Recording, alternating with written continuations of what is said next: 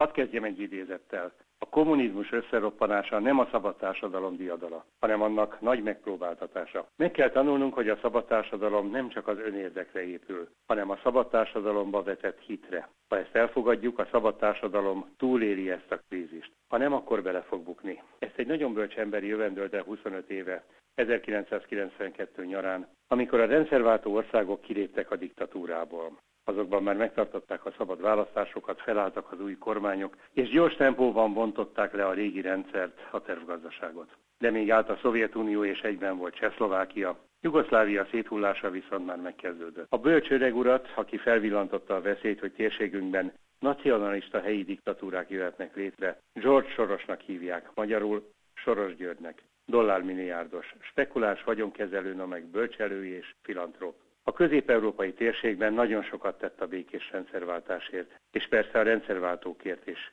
Támogatta őket, hogy nyugaton tanulhassanak. A 2010 óta uralman lévő Fidesz szinte valamennyi vezetője élvezte Soros segítségét. Később Soros létrehozta saját egyetemét, a Central European University-t, Magyarország legsikeresebb ilyen intézményét. Ám változnak az idők, és a magyar kormány most valósággal démonizálja Sorost az egyetemet el akarja üldözni Budapestről, és nemzeti konzultációt hirdetett, nehogy az úgynevezett soros terv megvalósuljon. Mi az a nemzeti konzultáció? Ez egy sajátosan magyar kormányzati műfaj, hungarikum. Valamennyi választópolgár kap egy levelet, de abban nem kérdői van, hanem egy sugallat. Magyarán manipuláció. Például Soros György arra akarja rávenni Brüsszelt, hogy Afrikából és a közel-keletről évente legalább egy millió bevándorlót telepítsen az Európai Unió területére, így Magyarországra is. Ön támogatja a Soros tervnek ezt a pontját?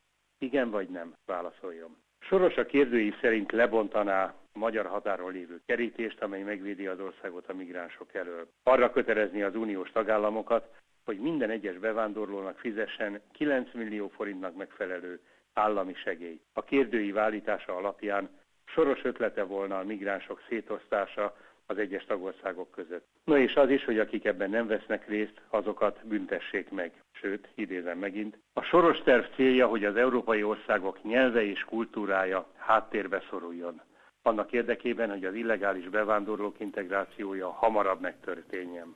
Ezek azért szörnyű állítások. A kérdőív stílusában hadd kérdezzem meg, igazak vagy sem? Erre egyértelmű a válasz nem. És ezt nem én mondom, hanem Magyarország uniós biztosa Navracsics Tibor, aki korábban ennek a kormánynak a minisztere volt. Soros terv nem létezik, mondja ő, mondom én. A kérdőíveken össze vannak zagyválva soros cikkei, írásai, egyes brüsszeli dokumentumok, a magyar kormányzat fantazmagóriáival. A megállapítások mindegyikét kiragadták szövegkörnyezetükből, és úgy montírozták őket össze, hogy azt sugalják, Soros és brüsszeli elbarátai el akarják árasztani egész Európát menekültekkel, és meg akarják büntetni azokat az országokat, amelyek ellenállnak ennek a törekvésnek, például Magyarországot. Ezzel szemben a magyar kormány egyetlen menekültet sem enged be, és a szöges drót a déli határon egész Európát védi a migránsoktól. Ha pedig a jövő évi választásokon netán elbukik ez a kormány, akkor jaj nekünk. Beüzenlenek hozzánk a terroristák, a gazdasági migránsok, akik aztán jól elveszik a magyarok munkahelyét,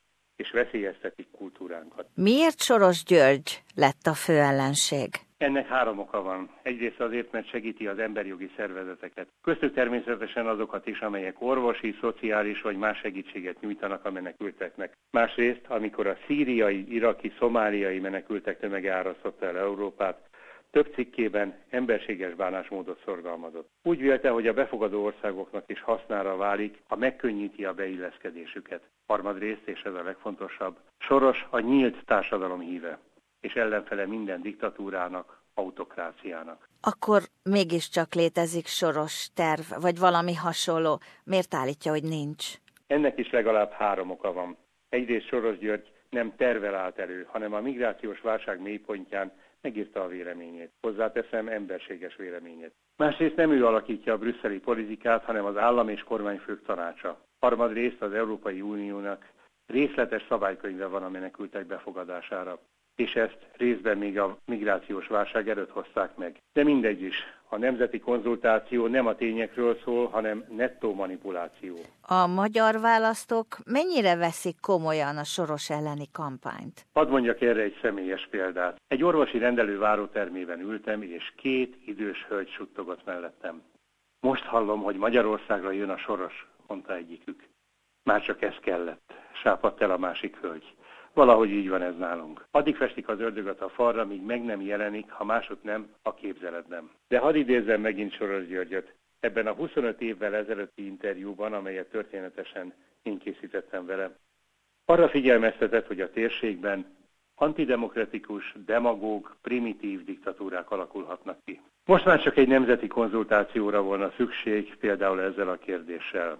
Ön szerint ma Magyarországon antidemokratikus, demagóg, primitív diktatúra van-e kialakulóban? Válaszoljon. Igen vagy nem?